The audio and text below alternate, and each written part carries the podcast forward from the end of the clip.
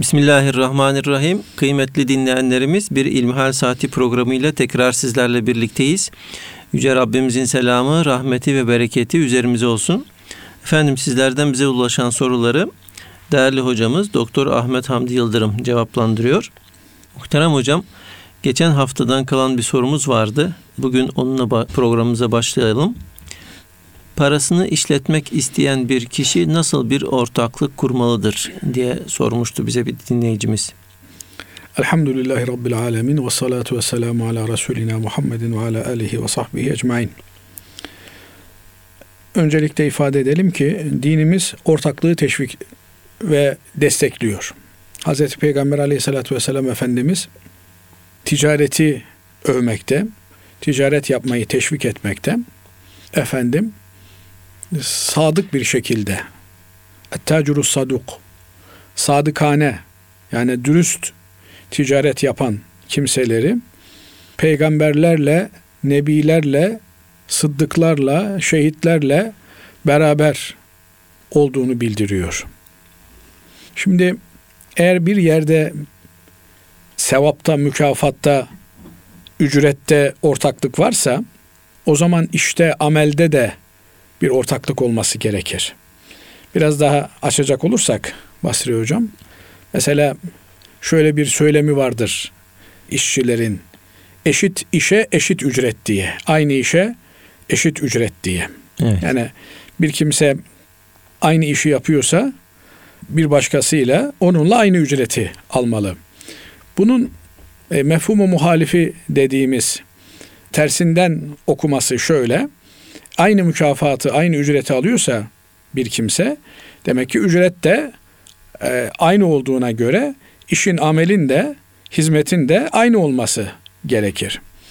Madem sadık tacir, dürüst tacir peygamberlerle beraber e, bu netice itibariyle ahirette alacakları sevap, gidecekleri yer, mekan ortak olduğuna, eşit olduğuna göre bunların iş olarak da eşit olması gerekir. Evet. Peki sadık tacirin, dürüst tacirin ki bunu artık batıda fair trade diye adlandırmışlar. Türkçe'ye de e, adil ticaret diye çevirmişler. Efendim bunun e, bizim e, dinimizdeki karşılığı sadıkane ticaret. Dürüst ticaret, sadık ticaret. Bunun doğrusu bu. Batı'da fair trade dedikleri bu yeni akımla beraber şunu kastediyorlar. Yani adil ticaret diye Türkçe'ye tercüme edilen ilk üreticiden son tüketiciye kadar o zincirdeki herkesin emeğinin karşılığını aldığına inandığı ticaret. Yani tohumu satan elhamdülillah ben bu ticaretten emeğimin karşılığını aldım. Tohumu eken emeğimin karşılığını aldım.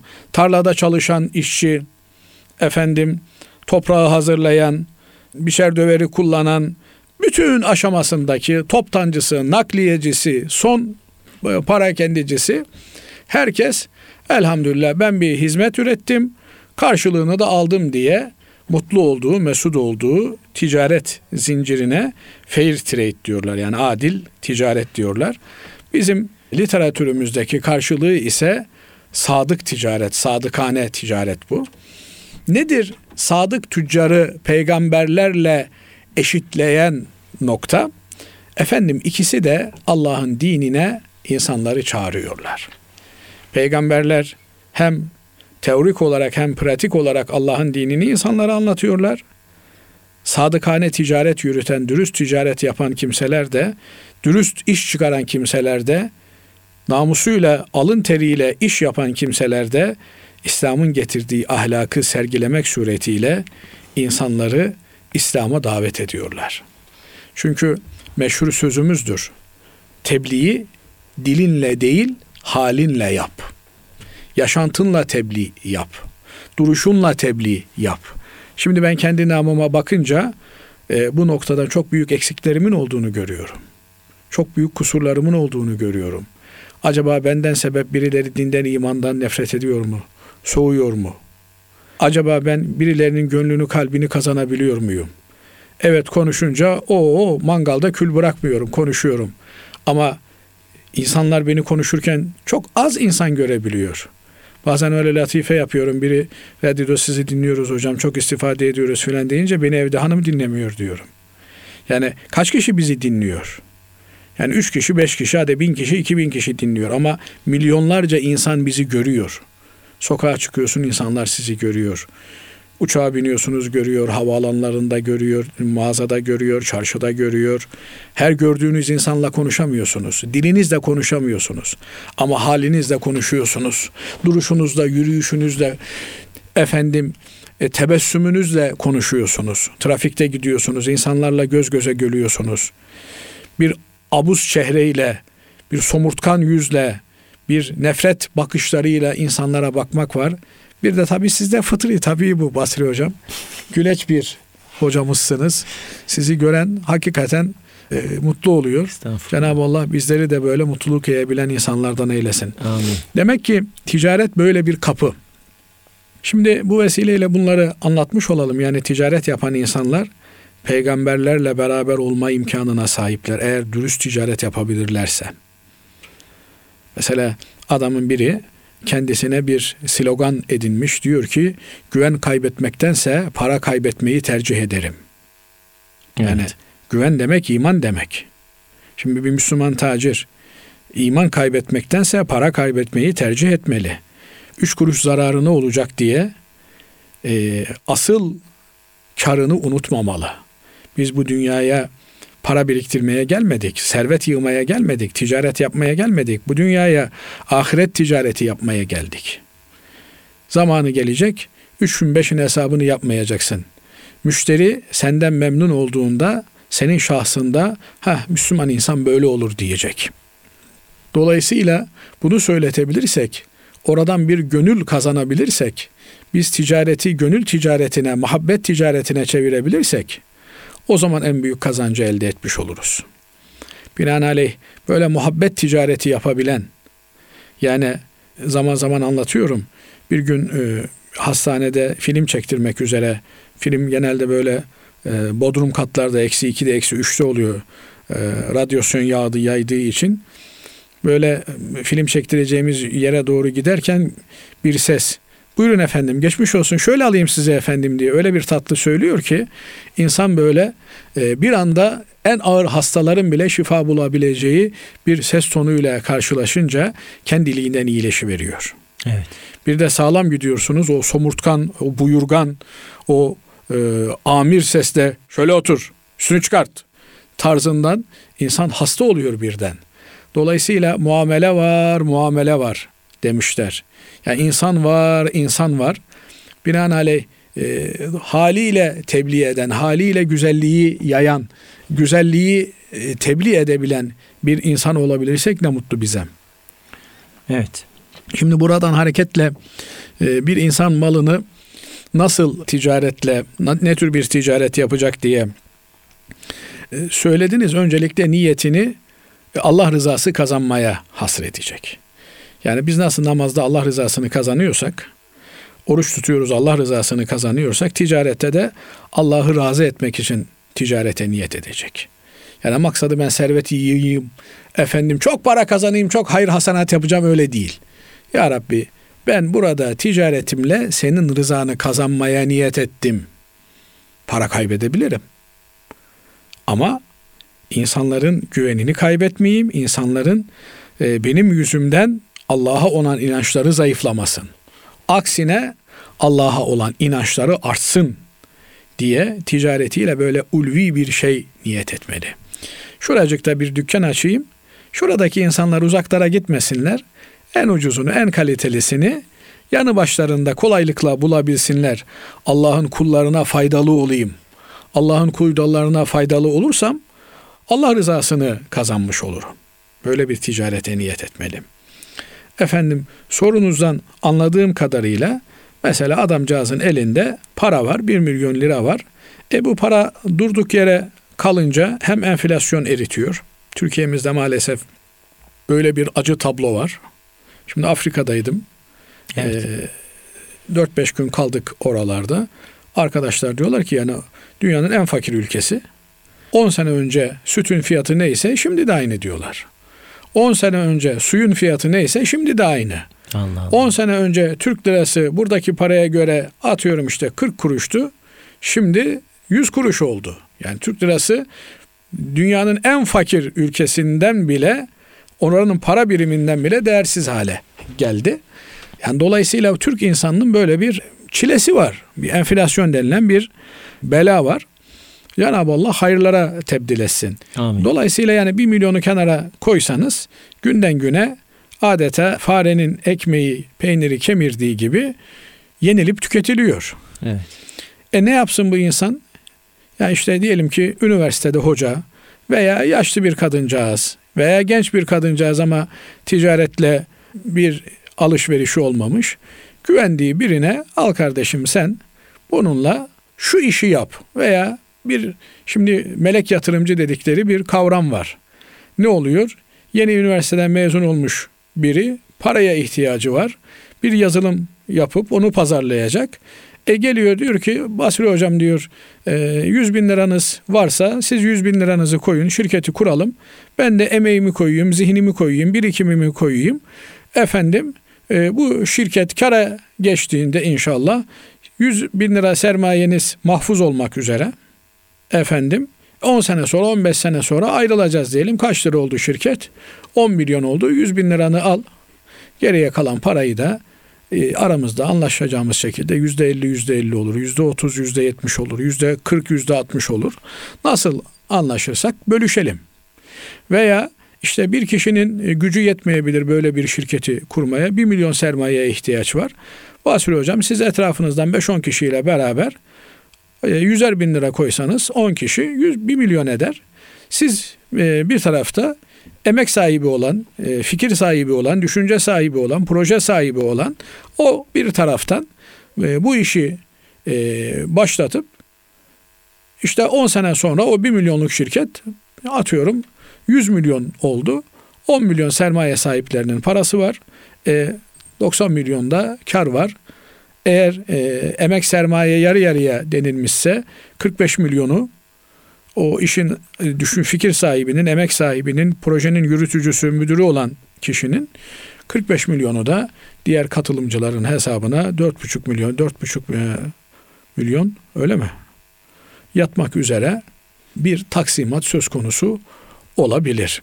Dolayısıyla ya sıfırdan bir şirket böyle para bir taraftan, emek bir taraftan kurulabilir. Evet. Veya işte bir kadıncağız var. Çok iyi dikiş nakış yapıyor. Ama dikiş makinesi yok. Kumaş alacak parası yok. Siz de diyorsunuz ki ona makineyi aldım. Kumaşını aldım. Müşteri de getiriyorum sana. Dik. Efendim kumaşın parasını çıkalım. Geriye kaç lira kaldı? 100 lira kaldı. 30'u benim 70'i senin.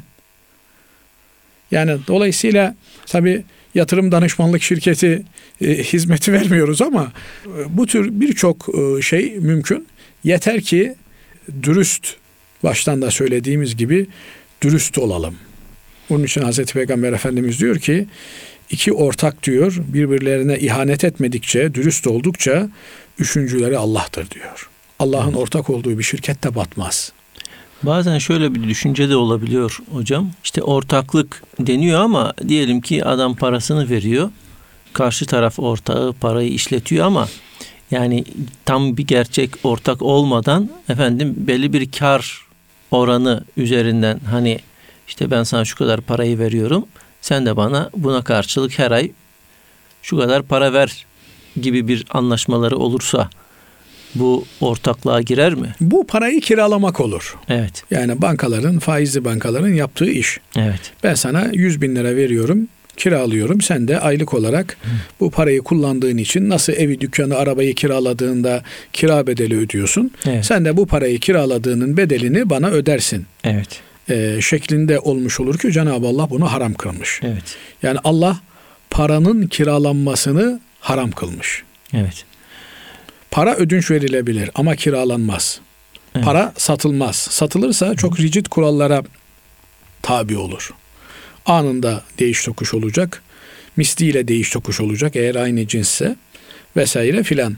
Dolayısıyla ticaret dediğiniz şeyde karşılıklı birbirine güven olacak. İnsan kendi malını nasıl çalıştırıyorsa kardeşinin parasını da öyle çalıştıracak. Şimdi milyonlarca şirket var Basri Hocam. Evet. E bunların yüz binlercesi iflas ediyor, kapanıyor, batıyor. Evet. Yani insan kendi parasını işletirken batıyor. E ben senin paranı işletirken batabilirim. Yani burada önemli olan şey hakikaten bu batış efendim iş alanıyla ilgili bir batış mı olmuş? Yoksa elinde para var diye adam tamahkarlık edip ortaklık alanının dışında başka yerlere mi parayı kullanmış? Binaenaleyh bununla ilgili de böyle ortaklık müesseseleri inşa edilmeli. Danışmanlık şirketleri, şeffaf denetim işine alacak şekilde muhasebe uzmanlık şirketleri oluşturulmalı. Bunlar aracılığıyla ortaklar birbirlerine e, hesap verebilir hale gelmeli. Evet. Şimdi artık özellikle de ülkemiz gibi yani bütün ticaretin hemen hemen aleni olarak yapıldığı, resmi olarak yapıldığı bir yerde eğer böyle bir şirket tarafından denetleme söz konusuysa kolay kolay insanların, tarafların birbirlerini aldatmaları, kandırmaları mümkün olmaz. Ama tekrar şunu ifade etmek isterim ki dürüst olmak ve birbirimize karşı samimi olmakla mecbur emrolunduk. Eğer öyle olmazsa Cenab-ı Allah o şirketin bereketini alıyor. Evet. Değerli hocam ikinci sorumuza geçmek istiyorum. Selamünaleyküm. Ben imam hatiplik yapmaktayım. Müftülüğümüz banka değişikliği yaptığından dolayı şu anki banka promosyon verecekmiş. Ben bu promosyonu caminin lojmanı için kullanmam uygun mudur? Veya caminin tuvaletindeki eksikliği için kullanmam da uygun olur mu? Buralarda kullanmam uygun değilse bu parayı ne yapmalıyım diyor dinleyicimiz.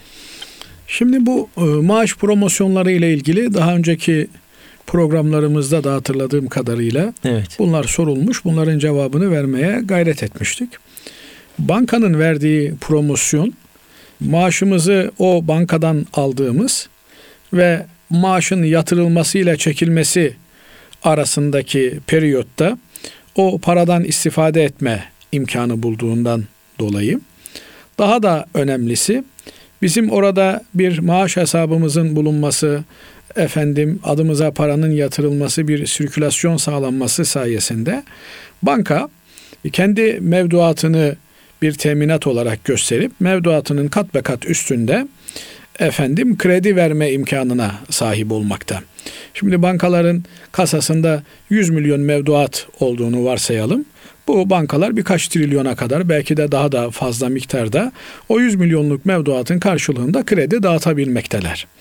Niye? Mevduat sahipleri çünkü bir anda gelip de hadi bana paramı ver demiyor. Dolayısıyla benim senin paran eğer bir bankada mevduatta bulunuyorsa isterse kar payında olsun, isterse olmasın, isterse vadeli hesapta olsun, isterse vadesiz hesapta olsun. Bunların üzerinden birilerine krediler veriliyor. Bire 10 en iyi tahminle kredi verilse 1 liranın 10 lira olduğunu ve 10 lira olarak bu paraların faize verildiğini düşünün. Bankaların kasasına buralardan çok yüklü miktarda karlar giriyor. Yoksa işte 100 liraya 110 lira mevduat faizi uygulayıp da 100 lirayı 120 liraya satarak aradaki 10 lirayla bankaların bu kadar faaliyetleri yürütmeleri, dünya kadar şube açmaları, maaşları vermeleri öyle mümkün görünen bir şey değil. Ancak 100 liralık mevduata karşılık 100 lira kredi vermiyor banka. Ne yapıyor? 10 bin lira kredi veriyor. Aradaki bu yüksek meblalar üzerinden topladığı birer kuruşlar bile dünyanın parasını yapıyor. Hasılı kelam e, banka dediğiniz e, müessese bir kapitalist sömürü aracı. İnsanların e, kanlarını adeta emiyor. Nasıl emiyor? Kardeşim işte paraya ihtiyacım var para veriyor sana zorla mı veriyor? Diyorsunuz ama açıktan para basmak nasıl bir memleketin ekonomisini baltalıyor, yok ediyorsa bu tür açıktan krediler vermek, karşılıksız krediler vermekte bir ülkenin can damarlarını kesmek demek oluyor. 2008'de dünyada Amerika kaynaklı yaşanan o mortgage krizinin temelinde de karşılığı olmayan sanal ekonominin bir şekilde e, rayından çıkması olmuştu. Binaenaleyh dinimiz reel ekonomiyi tavsiye ediyor ve bankanın hiçbir şekilde sanal ekonomik araçlarla faaliyet yapmasına müsaade etmiyor. Faiz işlemi en masum şekliyle yani en basit şekliyle ki bundan 2000 sene önce 1500 sene önce İslamiyet'in geldiği dönemde Araplar arasında faiz işlemleri yapılıyor ediliyordu. Bu dönemdeki bu faiz işlemleri bugünkü gibi böyle komplike işlemler değildi. Bankalar aracılığıyla yapılmıyordu. Çok basit düzeyde insanlar birbirlerine para veriyorlardı. Fakat bunu bile dinimiz bir sömürü aracı olduğu için insanın insana yapabileceği en basit iyiliğin bile ticarileştirilmesi ahlaken doğru olmadığı için yasaklamıştı. Bugüne gelindiği, gelindiğinde ise bu yasağın fersah fersah büyüdüğünü görmekteyiz. Dolayısıyla banka denilen müessese ile Müslümanın işi olmaz. Olmaz. Bankadan gelecek suyu bile Müslümanın içmesi doğru olmaz. Ya açlıktan ölüyorum. E, gittim bankaya paramı çekecektim. Orada bankadan su verdiler. E, kimin parasıyla bu suyu veriyor sana? İnsanların alın terinlerini sömürerek verilen bu suyun içilmesi caiz değil. Verdiği promosyon da e, herhalde bankanın sahibi kendi cebinden bu promosyonu vermiyor. Bankanın ortak havuzundan bu promosyonu veriyor. Niye veriyor? İşte meşhur amiyane ifadesiyle kaz gelecek yerden ördek esirgenmez diye veriyor. E ama nasıl olsa ben bu parayı buraya veriyorum. Yani e, bari promosyondan istifade edeyim diyemez mi bir Müslüman? Dememeli. Dememeli. Şüpheli olan bu tür e, artık insanlar bir bardak sudan biri içti diye artık suyu içmiyorlar. Evet. Yani bir e, ekmeğin bir parçası kopartıldı diye o e, ekmeği yemiyorlar. Yemek yarım kaldı diye yemeği döküyorlar. Gidiyorsunuz misafirliğe işte tabağınızı bitirmezseniz ev sahibi o sizin kalan yemeğinizi yemiyor atıyor çöpe onu.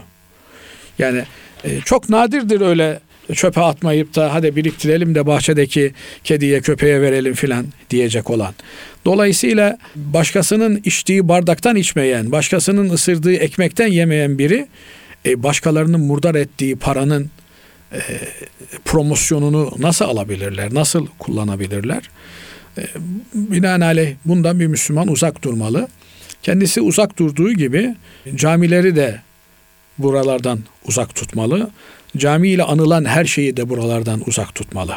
Bakın cahiliye Arapları Kabe'yi muazzama yıkılıp da Kabe'yi tekrar inşa ettiklerinde biliyorsunuz Efendimiz Aleyhisselatü Vesselam'a Hacerül Esved taşını yerine oturma evet. vazifesi veriliyordu. Cahili olmalarına, müşrik olmalarına, Allah'a eş koşmalarına rağmen Kabe'yi yaparken helal paradan yapacağız diyorlar. Faiz parası olmayacak diyorlar. Efendim fuhuş parası olmayacak, şu olmayacak, bu olmayacak.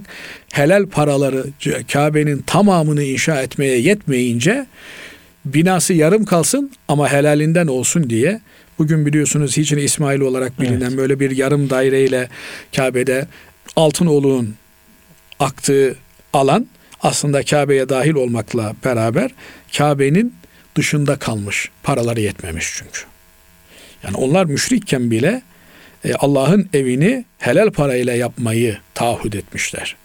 Bizler de böyle yapmalıyız. Peki bu paralar ne olmalı? E bunlar açlıkla mücadele edilen yerlere gönderilebilir savaş bölgelerine gönderilebilir. Efendim e, çünkü insan darda kaldığında e, ölümle karşı karşıya kaldığında malumat hayvanın etinden de yenilebiliyor biliyorsunuz.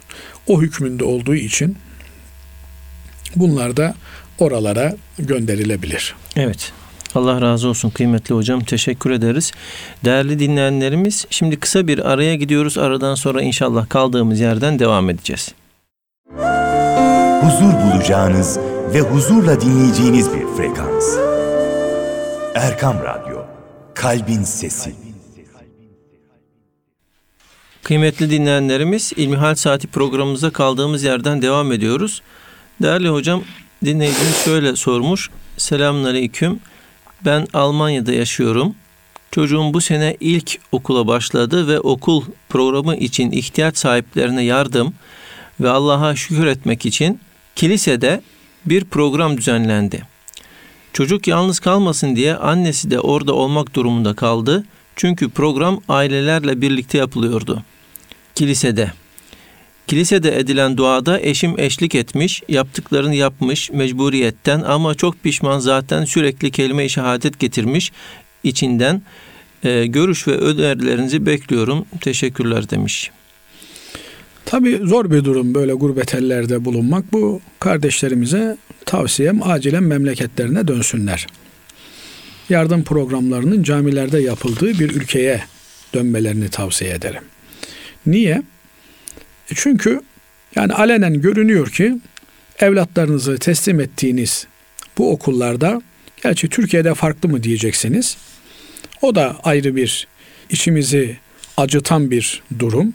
Yıllardır sağcı iktidarların iktidarda olmasına rağmen hala müfredata baktığınızda, milli eğitimin temel eğitim politikalarına baktığınızda Darwinist düşüncelerin Maalesef, olduğunu evet. ve birçok abuk subuk ifadelerin olduğunu yani bu milli eğitim sistemi, eğitim politikaları vatanına, milletine bağlı, dinine, diyanetine sadık bir insan yetiştirmekten uzak. Tamamen liberal, istediğini yap, istediğini söyle. Öğretmen takma, müdür takma, sen hürsün, istediğini yaparsın türünden abuk sabuk temeller üzerine oturtulmuş bir şey.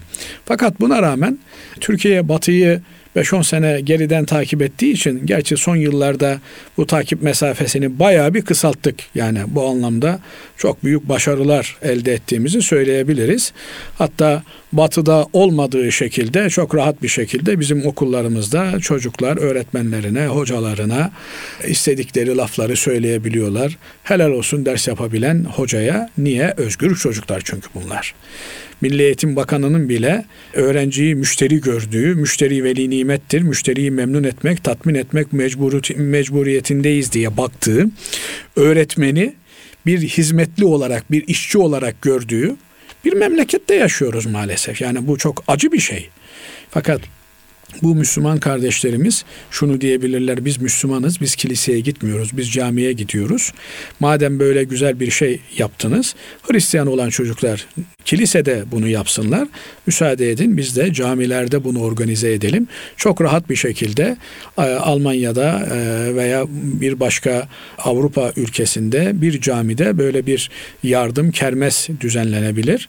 Hiçbir sıkıntısı da olmaz.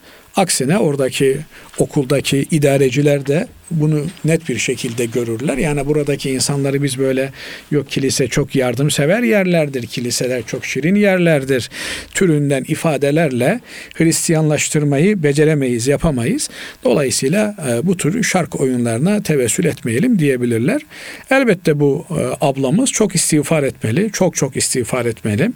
Bir Müslüman Allah'a inanan bir Müslüman, Allah'ın tek olduğunu bilen bir Müslüman bir kilisede Hazreti İsa'nın Allah'ın oğlu olduğunu, Meryem validemizin de haşa Allah'ın eşi, ilahın, e, e, Tanrı'nın annesi olduğunu nasıl e, ikrar edecek şekilde onların hareketlerini yapabilir?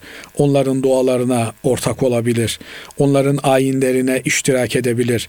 Biz Müslüman olarak en azından kalben bu yapılanın yanlış olduğunu, bu yapılanın doğru olmadığını e, söylemek zorundayız. Öyle e, herkes cennete gidecek, Hristiyan da cennete gidecek, Yahudi de cennete gidecek diye bir e, safsatanın peşinden nasıl bir Müslüman sürüklenebilir? Biz onların peygamberlerine inanıyoruz. Biz Hz. Musa'yı Yahudilerden daha fazla seviyoruz. Musa Aleyhisselam'ın Yahudilerden neler çektiğini Kur'an-ı Kerim bizlere anlatıyor.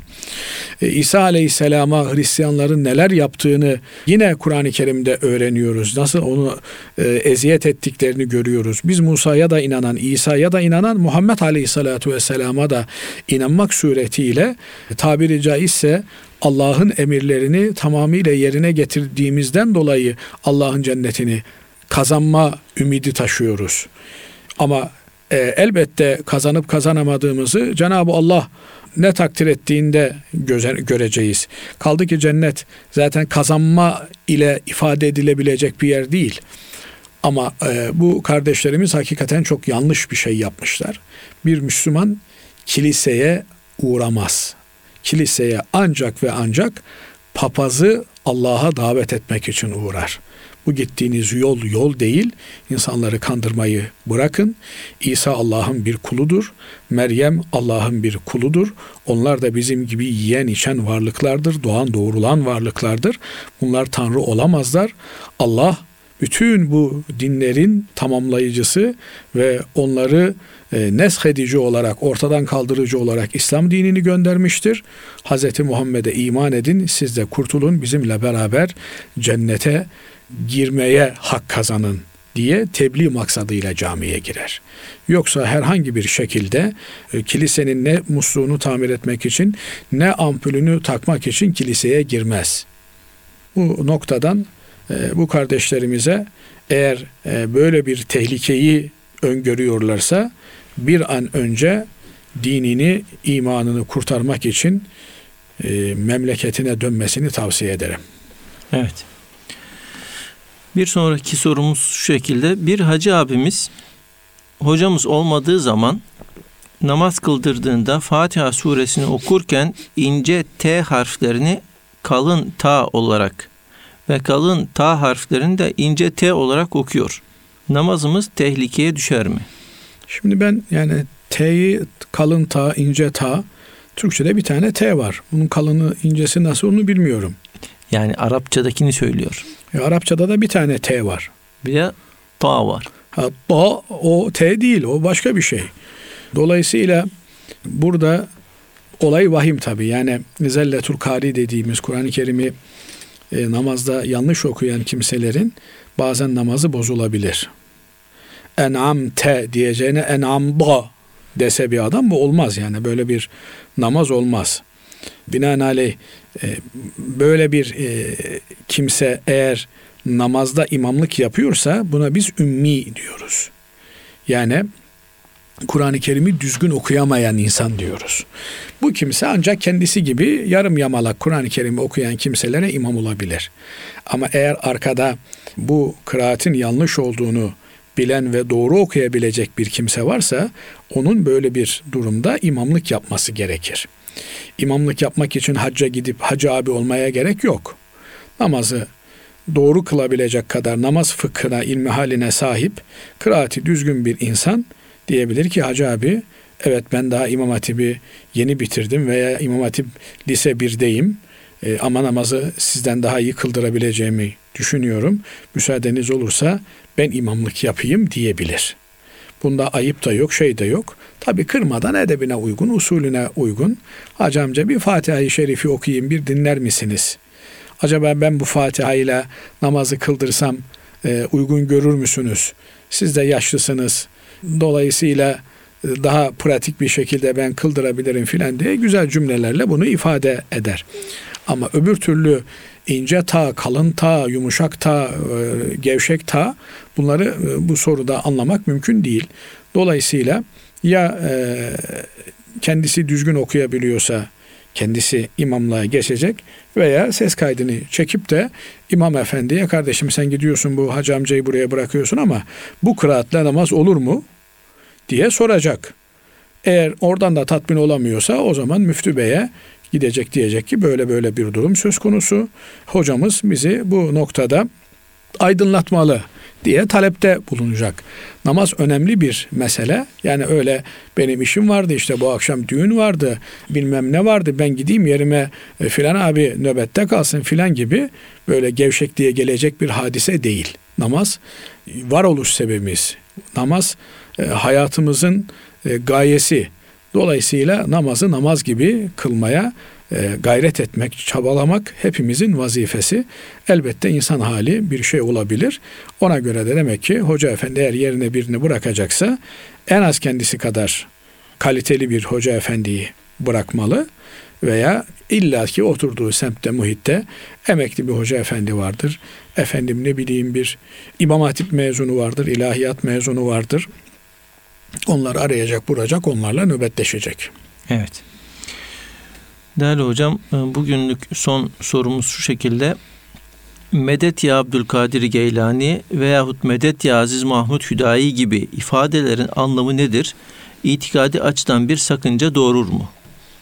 Tabi bu biraz detaylandırılması gereken bir konu. İyi ki de sordunuz. Biraz da vaktimiz var herhalde bu konuyu Evet. konuşmak için. Şimdi biz Fatiha-i Şerif'te her gün İyyâke na'budu ve İyyâke nesta'in diyoruz. Ya Rabbi ancak sana ibadet ederiz ve ancak senden yardım dileriz. Binaenaleyh ibadetin tek yapılacağı yer Cenab-ı Hak'tır. Yardımın tek talep edileceği, istenileceği yer Cenab-ı Allah'tır. Biz ibadeti Allah'a yapar, yardımı da Allah'tan isteriz. Allah'tan başka kimsenin yardım edemeyeceğini biliriz. Nitekim la havle ve la kuvvete illa billah cümlesi de bunu ifade eder. Yani güç kuvvet sadece Allah'tadır, Allah'ladır. Onun dışında bir güç kuvvet söz konusu değildir.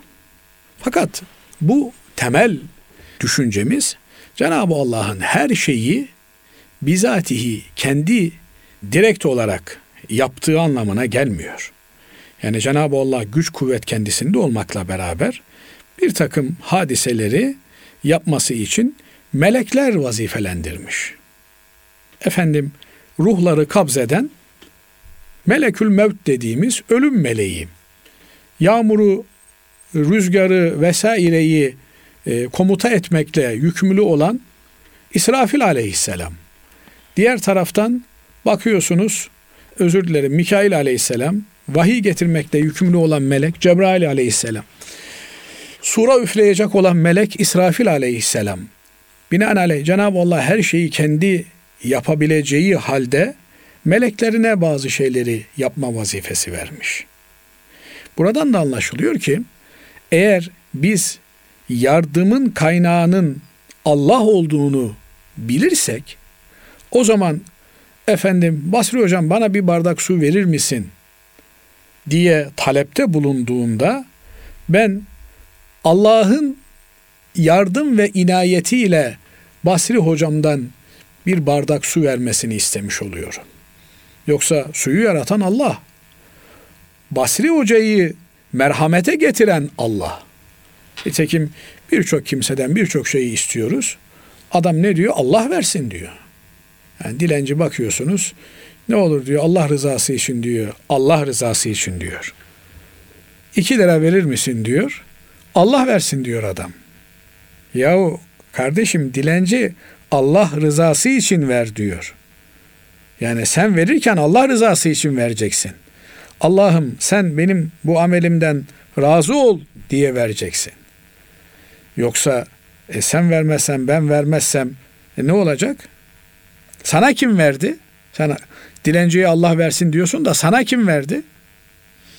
Hasılı kelam burada ince bir çizgi var. Şimdi medet ya Resulallah diyen bir kimse veya medet ya Abdülkadir Geylani diyen biri, medet ya Aziz Mahmud Hüdayi diyen biri, Aziz Mahmud Hüdayi'nin, Abdülkadir Geylani Hazretlerinin, Eba Eyyub el Ansari Hazretlerinin Allah'a yakınlıklarına binaen onlardan, onların adını kullanarak Allah'tan bir şey istiyor. Şimdi eğer Abdülkadir Geylani Hazretleri Allah'a rağmen bir şey verme gücüne sahip diye bir mütalaa söz konusuysa müşrik olur bu adam. Şimdi tekim Efendimiz Aleyhisselatü Vesselam vefat ettiğinde Basri Hocam Evet. e, Arapların yani o günkü Müslümanların zaten çoğu Arap neredeyse çoğu dinden çıktı. İrtidat etti. Hatta bazı yerlerde Muhammed peygamber olsaydı ölür müydü? Bizi kandırmış öldüğüne göre e, peygamber değildi aleyhissalatü vesselam diyenler olmuş. Sahabe-i kiram efendilerimizden e, Hazreti Ömer Efendimiz ya Muhammed öldü diyenin kafasını vururum. Siz tarihçisiniz daha iyi bilirsiniz. Estağfurullah hocam. Ama Cenab-ı Allah Ebu Bekir Efendimiz'e bir Evet. e, gönül ferahlığı veriyor. Hutbeye çıkıp diyor ki Cenab-ı Allah buyurmadı mı diyor. İnneke meyyitun ve innehum meyyitun. Sen ölümlüsün. Sen ölümü tadıcısın. Allah'tır ölümsüz olan, diri olan, hay olan. Eğer siz Muhammed'e tapınıyorduysanız bilin ki Muhammed öldü bitti o zaman her şey. Ama Allah'a ibadet kulluk ediyorsanız Allah ölmez, diridir. Binaenaleyh Hazreti Peygamber Efendimiz'e gelip istiğfar edenler, Peygamber Efendimiz'den Allah'ın onları bağışlaması için dua etmesini istiyorlardı. Hazreti Ebu Ayyub el Ensari Hazretlerinin kabri başına gidenler, Aziz Mahmud Hüdayi Hazretlerinin kabrine gelip dua edenler, bu insanlar Allah'a e, kullukta zirve olmuş insanlar oldukları için onların kabirlerine gidiyorlar. Şimdi ben keramet denilen şeyi şöyle anlıyorum Basri Hocam. Mesela şurada mazlum insanlar var. Onlara yardım etmek istiyorum. Benim yardım etme imkanım yok. Kiminle yardım gönderiyorum? Güvendiğim insanlarla yardım gönderiyorum. Emin olduğum insanlarla yardım gönderiyorum. Mesela Basri hocama güveniyorum. Basri hocama diyorum ki al şu 300 lirayı hocam. Senin öğrencilerin var işlerinden garip olanlara bu 300 lirayı ver diyorum. Şimdi o öğrenci de diyor ki işte Basri hocam diyor keramet gösterdi diyor. Bana diyor ihtiyacım vardı para verdi diyor. Parayı Basri hoca veriyor ama arkasında kaynak farklı. Evet. Şimdi e, keramet de böyle bir şey. Cenab-ı Allah bir kuluna iyilik yapacağı zaman güvendiği kulları aracılığıyla bu iyiliği yapıyor. Mesela bugün dünyanın farklı yerlerinde protestolar var. Hükümetlerini protesto ediyor vatandaşlar. Niye? Yolsuzluktan dolayı protesto ediyor. Yani bu devlet başkanları işte Lübnan'da protestolar var. İnsanların dedikleri şu. E, Lübnan'ın kaynaklarını bunlar çarçur ediyorlar, sömürüyorlar, kendi çıkarlarına kullanıyorlar. Yani eğer yardımı e, yanlış insanlar eliyle yaparsan o zaman cebellezi oluyor. Cenab-ı Allah bir kuluna yardım edeceği zaman onu en güvendiği kuluyla yapıyor. Bu da o kulun kerameti olmuş oluyor işte. Evet. Yani keramet bu. Ama keramet sahibi olabilmek için de Allah nezdinde ve insanlar nezdinde de güvenilir biri olmak gerekiyor. Şimdi himmet meselesi. Himmet ne demek? İlgi alaka demek. Şeyhim himmet diyor. Yani ne demek şeyhim himmet? Şeyhim elimden tut. Beni terbiyene al. Bendeki yanlışları söyle. Benle ilgilen. Beni işte e, sokağa bırakma. Sokağa atma beni. Yoksa şeyhim himmet demek yani böyle bir bak bana ben çamurken adam olayım. Olur öyle bakışlar da vardır. Öyle nazarlar da vardır. O da olabilir. Bu da çok böyle uzak bir ihtimal değil. Nitekim Hz. Peygamber aleyhissalatü vesselam Efendimiz bir nesli bakışlarıyla imtihan etmiştir. Nazarıyla imtihan etmiştir. Yani başta da konuşmaya çalıştık. Hal dediğimiz şey bulaşıcıdır. İyilerle oturursan iyi olursun, kötülerle oturursan kötü olursun. Yani şeyhim bana himmet demenin anlamı şu. Beni yanından ayırma. Dizinin dibinden ayırma. Eğer hakikaten salih bir insansa onun iyiliği, güzelliği sana bulaşır. Eğer üçkağıtçı biri ise sen de zaman içerisinde üçkağıtçı olursun bunu bilirsin yani görürsün kendin hissedersin. Eğer biriyle oturduğunda ahiret endişen artıyorsa Allah'ın huzurunda ne hesap vereceğim endişesi sende depreşiyorsa bil ki doğru yerdesin. Ama birileriyle oturup kalktığında ya bu bizim perdeleri de eskimiş, evin koltukları da eskimiş, bu muhiti de değiştirmemiz lazım, bu arabada yakışmıyor bize artık diye. Dünya sana bulaşmaya başlamışsa, batmaya başlamışsa bil ki yanlış yerdesin. Dolayısıyla yani bir kimse medet ya Abdülkadir Geylani Hazretleri dediğinde Cenab-ı Allah'a Abdülkadir e, Kadir Geylani Hazretleri vesilesiyle istimdad ediyor, yardım talep ediyor demektir. Yani ey Cebrail gel demek gibi bir şey bu. Yani Cebrail Allah'tan tevekkül gelmez, Allah'tan izinsiz gelmez. Abdülkadir Geylani Hazretleri'nin de seninle benimle uğraşacak hali yok. Ama Cenab-ı Allah bakın Cenab-ı Allah salihler zikredildiğinde bir huzur verir, bir sekinet verir, bir rahatlık verir. Yani insan mesela ne kadar zalim bir insan bile olsa anasını babasını hatırladığında, çocukluğunu hatırladığında bir yumuşar, bir gevşer. Dolayısıyla yani yetiş ya Aziz Mahmud Hüdayi denildiğinde o ismin anılması bile ortama bir bereket verir, bir huzur verir. Kaldı ki insan zaten Hazreti Mevlana'nın dediği gibi birkaç damla kan bin bir endişeden müteşekkildir. Siz endişe, e, insanın endişelerini e, rahatlatabildiğiniz zaman o huzura kavuşur. Huzur da en büyük imdattır, en büyük yardımdır, en büyük e, destektir. Dolayısıyla bunu ya bu işte Allah'tan başkasından yardım istedi müşrik oldu. E o zaman biz her gün müşrik oluyoruz. Birinden su istiyoruz, birinden çay istiyoruz, birinden paramız bitti para istiyoruz. Öğrenciden ödev istiyoruz. Her şey- her yerden bir şeyler istiyoruz. Yani bu, bu ifadeler çok yanlış bir ifadeler. He, ama ibadet yani e, talep nedir? Şimdi mesela e, Afrika'dan geldim. Bunu da birkaç defadır söylüyorum. E, puta gidiyorlar. Horoz kurban ediyorlar. Oradaki e, putun başındaki papaz efendi yesin diye ondan sonra yardım talep ediyorlar. Yani böyle a, tabiri caizse rüşvet veriyor yardım talep ediyor. Tehlikeli olan bu. Yani işte sen e, niyet ettim Abdülkadir Geylani Hazretlerinin rızası için namaz kılmaya dersen haşa Evet. ondan sonra iş sapıtırsın. Ama Abdülkadir Geylani Hazretleri Allah'ın zirve kullarından bir tanesi. Onun isminin anıldığı yere rahmetullahi aleyh kaddesallahu sırrahu. Onun isminin anıldığı yere rahmet iner. Huzur gelir. Rahatlık gelir. Mutluluk gelir.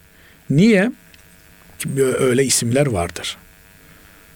Yani bizim Anadolu'da bir laf vardır işte bilmem neyi an çomağı hazırla diye.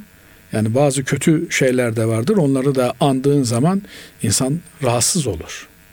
Cenab-ı Allah kendisine hakkıyla kulluk yapabilenlerden eylesin. Amin. Kendisini sevdirsin, Amin. kendisini sevenleri de sevdirsin. Abdülkadir Geylani Hazretleri, Aziz Mahmut Hüdayi Hazretleri Allah'ı seven insanlar. Evet. Onları da sevmek bizim boynumuzun borcu. Allah razı olsun kıymetli hocam. Değerli dinleyenlerimiz bir İlmihal Saati programı daha sonuna ermiş bulunuyoruz. Hepinizi Allah'a emanet ediyoruz efendim. Hoşçakalın.